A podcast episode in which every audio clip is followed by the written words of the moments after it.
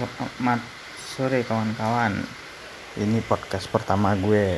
Perkenalkan nama gue Edo Pendidikan akhir dokter hewan Dari Universitas Syah Kuala Banda Aceh Lulusan tahun 2008 Gua tinggal di Bojonggede Kabupaten Bogor Jawa Barat. Podcast ini akan gue isi dengan informasi menarik seputar kedokteran hewan peternakan dan aktivitas gue sehari-hari. Gue tutup podcast ini dan nantikan konten menarik gue berikutnya